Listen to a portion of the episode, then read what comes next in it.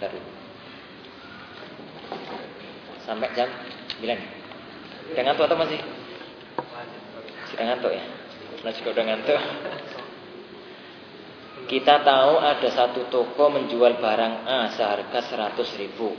Suatu saat kita diminta orang untuk mendatangkan barang A kepada mereka. Kita berkata saya akan datangkan barang A tersebut kepadamu dengan harga 200. Bagaimana hukumnya? Yang pertama, jual beli semacam ini. Kalau yang pesan kepada antum itu tahu bahwasanya antum nggak punya barang. Dan dan dia itu tahu bahwasanya dia ngomong kepada antum itu adalah sebagai pesanan. Bahwasanya dia ngomong saya butuh komputer. Jadi saya butuh komputer. Jadi kamu bisa mendatangkan harga berapa komputer? Saya bisa mendatangkan dengan harga sekian dan saya akan mencarikannya nanti di pasar atau mencarikannya di mana, maka itu masuk dalam bayi usaha. Baik, yaitu jual beli pesan. Jadi barang belum ada dan mungkin juga belum dia miliki tapi dia memesan.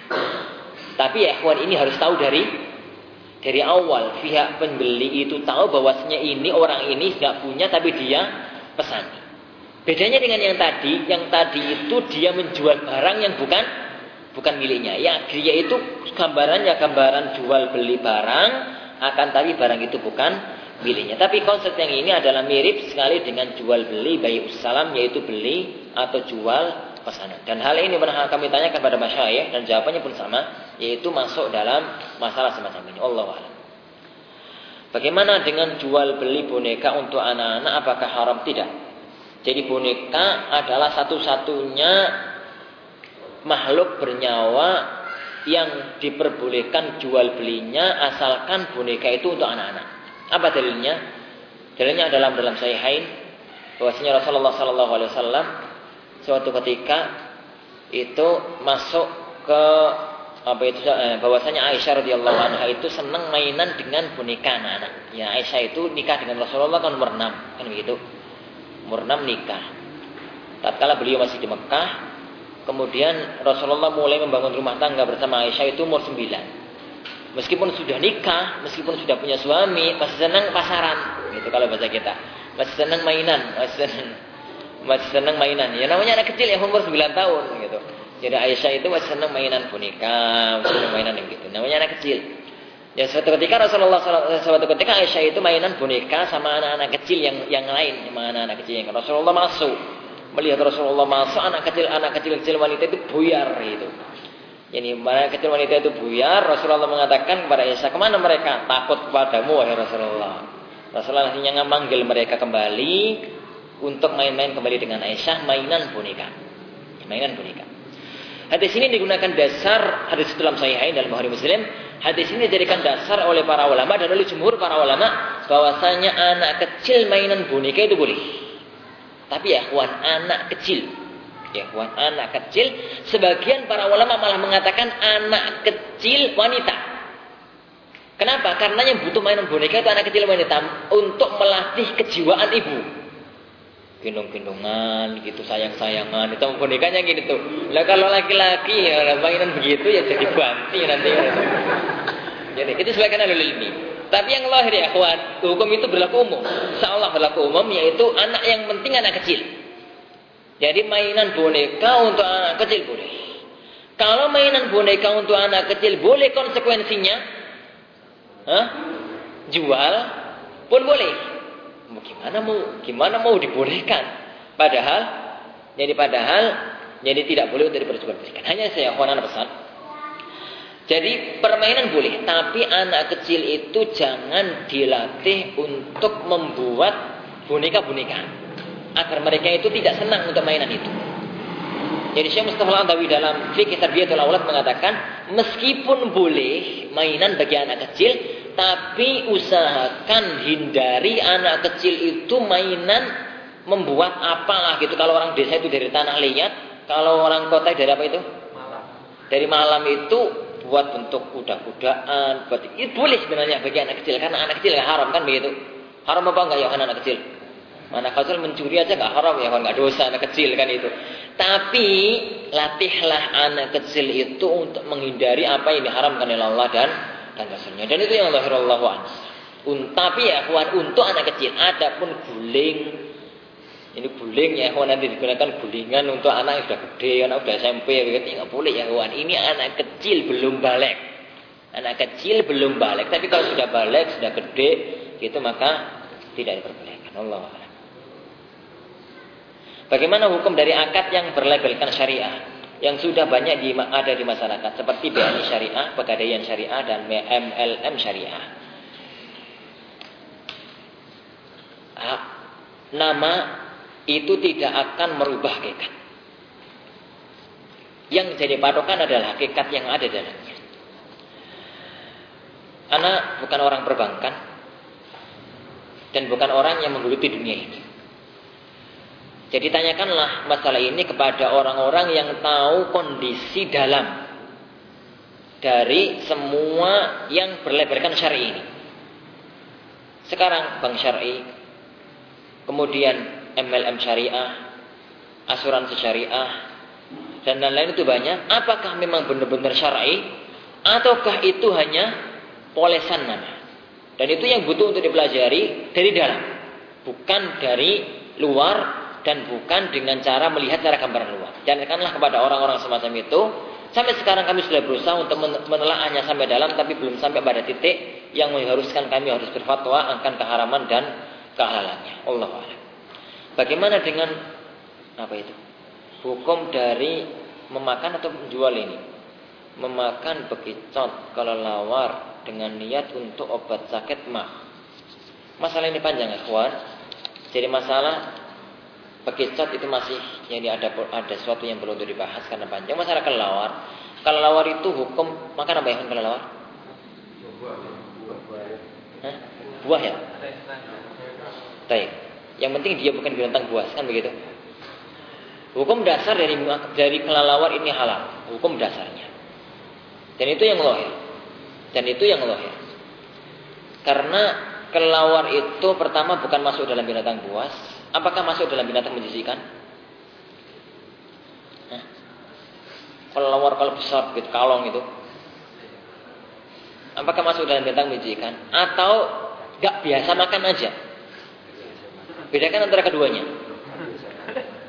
Antara gak biasa makan dengan binatang itu menjijikan.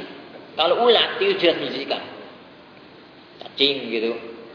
Tapi kalau kalau lawar, Anda menganggapnya Allah alam itu masuk dalam binatang yang tidak biasa dimakan. Mirip-mirip dengan lob. Rasulullah pernah keluar dari kota Madinah dihidangkan lob. Lob itu binatang mirip biawak. Bedanya kalau biawak, biawak makan ayam, tapi kalau lob itu makan rumput. Lob itu bukan biawak, hati-hati. Bentuknya mirip sekali. Bedanya kalau biawak makan ayam, makan katak, kan begitu. Kalau lob itu makan rumput dan beberapa binatang-binatang kecil. Binatang-binatang kecil ya kayak serangga kayak. Rasulullah dihidangkan semacam itu di hadapan beliau. Rasulullah nggak mau makan. Khalid bin Walid mengatakan ya Rasulullah haram atau bukan haram?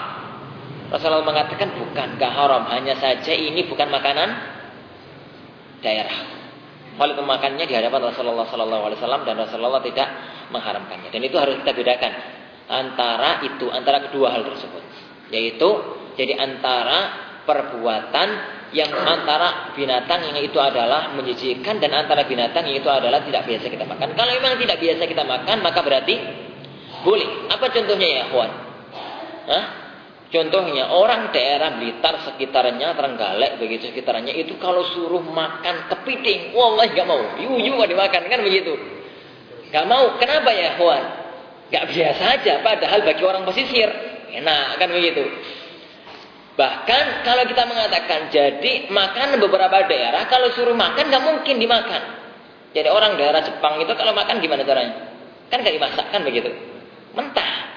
Kalau kata kita disuguhkan makanan kayak begitu mungkin gak dimakan kan itu. Apakah haram makan ikan mentah? Apa ya kawan? Ikan dari dalam laut dipancing begitu langsung dimakan boleh apa tidak boleh ya kalau mau gitu bolehnya boleh gitu bolehnya boleh Asal mau. Dan itu kita nggak makan karena memang itu bukan biasa makannya. Berarti kalau memang boleh makan, boleh juga menjualnya. Kalau boleh makan. Itu hukum dasar. Ini meskipun orang jual kelelawar apa ada? Jika si A membeli kurma kepada si B, namun kurma yang dipesan masih berada di luar kota. Jadi si A tidak tahu kualitas dari kurma tersebut. Namun si B meyakinkan bahwa kurma tersebut berkualitas baik. Jadi ada unsur suka sama suka. Bagaimana hukumnya? Suka sama suka tidak merubah hukum. Kalau tidak jelas. Jadi ya kawan, kurma itu termasuk sesuatu yang bisa dipesan. Kurma A pesan sama si B, saya pesan kurma. Kurmanya kurma ajwa, bukan kurma bukan kurma apa ya, Wan? bukan kurma Surabaya misalkan begitu. Kurma ajwa gitu. Kemudian dua kilo begitu atau berapa kilo yang penting kurmanya begitu kurmanya ajwa sifatnya begitu maka itu boleh. Meskipun barangnya belum ada karena itu masuk dalam baik pesanan baik pesanan. Ini baik pesanan. Tapi kalau Pak saya mau beli kurma ini A atau B saya mau beli kurma kamu mana barangnya? Gak ada di rumah Gimana barangnya? Yang penting bagus. Yang penting bagus itu apa ya, Ikhwan? Jenisnya apa? Dari negeri mana? Kayak apa? Itu butuh butuh butuh butuh dijelaskan. Jadi kalau dijelaskan jenisnya berapa kilo dan lain-lain, maka itu adalah boleh. Adapun kalau yang penting bagus, bagus itu relatif. Nanti didatangkan penjual ngomong, oh ini lihat bagus. Mana bagus jelek? Kamu aja yang nganggap jelek. Kamu aja yang nganggap bagus kan begitu nanti jadinya. Jadi yang penting sekarang itu jelas. Jadi mereknya apa, modelnya bagaimana, itu sudah di, sudah dimasukkan dalam pabrik atau belum, isinya masih isi kurma atau dirubah menjadi kacang kan begitu. Itu semuanya ditulis di depan sehingga tatkala unsur jual beli itu adalah diperbolehkan. Allah alam. Apa hukumnya lelang suatu barang yang halal dalam suatu tempat? Boleh. Lelang pernah dilakukan oleh Rasulullah Shallallahu Alaihi wa ala wasallam tatkala ada seorang ini tatkala jadi ada seorang yang dia itu jadi butuh terhadap sebuah pekerjaan di yang itu hadisnya adalah masyhur Allah Cara umum boleh, tapi butuh untuk menjelaskan lebih gampang. Apakah MLM itu mutlak haram hukumnya? Adakah Indonesia sistem MLM yang diperbolehkan? Pertanyaan ini muncul gara-gara tulisan anaknya. Lah ya, kawan.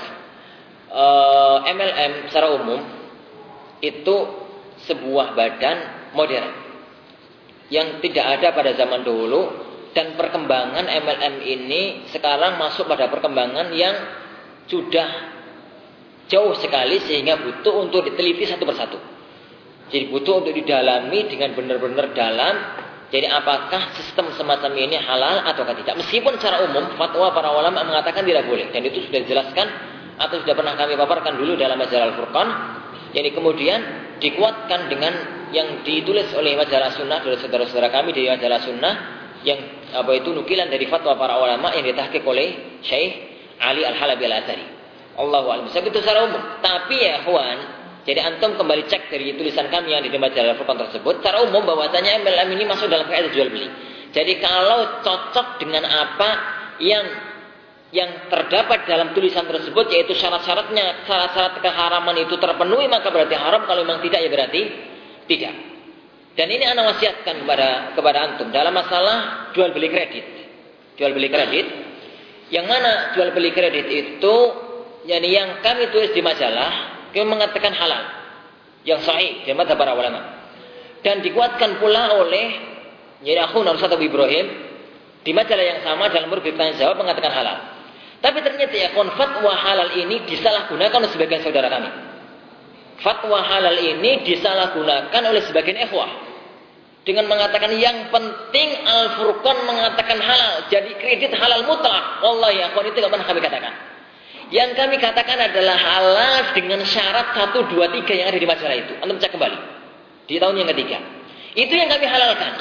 Adapun kemudian mutlak halal fatwa dasarnya majalah. Begitu Allah ya kawan, kami bara, kami berlepas diri dari fatwa semacam itu. Dan anak katakan ini karena sebulan atau setengah bulan yang lalu. Jadi salah seorang yang mengatakan Ustaz. Jadi setengah bulan atau mungkin sebulan yang lalu Ustaz. sebagian ikhwan-ikhwan kita memudahkan muamalah dengan kredit. Kenapa? Fatma antum gitu. Yang mana? Itu tahun ketiga tapi antum menghalalkan jual beli kredit. Subhanallah.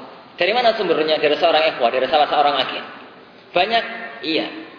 Akhirnya yang ngomong karena beberapa teman-teman redaksi, gimana ini? Mereka mengatakan, ya ikhwan, sebagian orang menyalahgunakan fatwa itu memang banyak. Gitu. Akhirnya mau tidak mau, jadi anak tulis di majalah edisi yang lalu. Lalu di majalah di Mukaddimah edisi yang lalu, kami katakan bahwasanya telah sampai berita kepada kami bahwasanya sebagian ikhwan memudahkan muamalah dengan kredit dengan fatwa yang ada di majalah. Kemudian kami katakan bahwasanya fatwa itu bukan secara mutlak, tapi kami katakan syarat. Dan ini yang penting ya, ikhwan. Boleh dengan syarat. Satu, dua, tiga, empat selanjutnya itu, itu yang diperhatikan. Ataupun ngambil hukum bolehnya, syaratnya dibuang. Itu fatal ya, ikhwan. Fatal. Dan hati-hati ya, ikhwan. Mengambil fatwa. Jadi, ambil fatwa itu lengkap. Dari awal sampai akhir. Sehingga tidak terjadi penyalah guna. Sebagaimana juga kebalikannya. Sebagaimana juga jadi kebalikannya, tatkala kita menggunakan hukum apa pun juga, maka lihat telah pembahasan itu secara global, secara lengkap sehingga tidak terpotong-potong dan sehingga tidak salah dalam penempatan sebuah masalah. Allah. Bagaimana hukumnya menanamkan investasi dan saham? Boleh secara umum. Jadi boleh secara umum asalkan lepas dari unsur-unsur keharaman. Dan asalkan saham yang kita serahkan kepadanya itu untuk melakukan sesuatu yang halal. Saham untuk jual beli bakso, misalkan ya nggak apa-apa ya kawan. Saham untuk jual beli baju, misalkan begitu ya nggak apa-apa, karena memang itu adalah diperbolehkan dan ini masuk dalam hukum syirkah yang secara umum, secara global hukumnya boleh, tapi pembahasan luasnya perlu untuk dibahas tersendiri.